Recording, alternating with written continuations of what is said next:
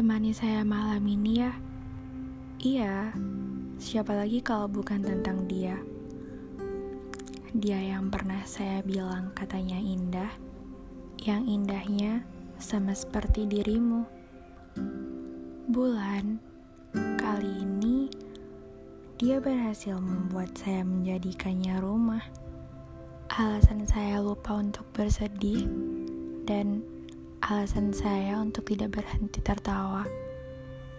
Kita pasti pernah punya seseorang yang sangat kita cintai, bukan?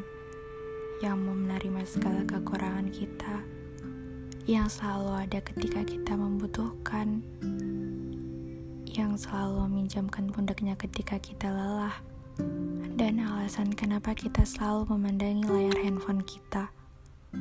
Iya, bulan, itu dia persis sama yang saya ceritakan. Kalau Bulan mau tanya bagaimana ceritanya sekarang, seperti rumahnya masih ada, atau justru makin bahagia, atau biasa saja? Jawabannya adalah rumahnya cuma sementara. Hmm, serius Bulan, cuma sementara.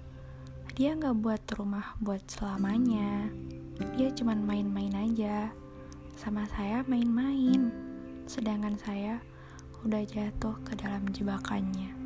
Sial banget kan? Kalau dibaratin kayak tepian senja yang ditinggal waktu indah-indahnya. Bukan ditinggal, tapi menghilang. Diibaratkan seperti tepian senja yang menghilang waktu indah-indahnya. Iya, ditinggal waktu sayang-sayangnya. Sayang udah terlanjur masuk ke dalam jebakannya, dan dia yang tengah asik lagi cari rumah yang sesungguhnya. Gimana dong? Apa saya kurang ya jelasin? Kalau ini tuh hati, bukan tempat persinggahan sementara. Sampai kapan kamu ngertinya? Kalau emang mau main-main, ya janganlah sama saya. Ya, atau bisa ya jangan pernah main-main. Karena ini perihal rasa. Kamu pikir jatuh di dalam jebakan itu enak? Hmm? Enak kalau posisinya gak kayak gini.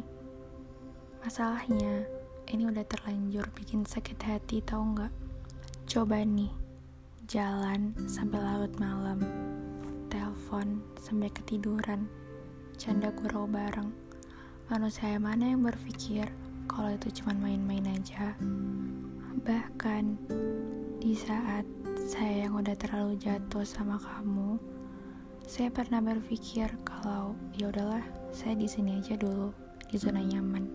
Karena waktu itu saya benar-benar berharap kamu buat balik dan ya juga pede-pede aja gitu yakin kalau kamu juga bakal balik. Tapi gak taunya sampai sekarang aja saya nggak tahu kamu ada di mana. Saya emang gak mau cari tahu sih sekarang kamu ada di mana lagi apa.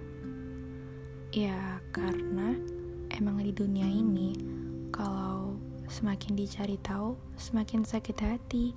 Jadi saya sekarang tahu Kenapa sebagian orang di dunia ini memilih untuk diam saja? Seharusnya kemarin-kemarin saya nggak usah terlalu bodoh gini, karena emang sejatinya kamu gak akan pernah suka sama saya, gak akan pernah mau naruh hati sama saya.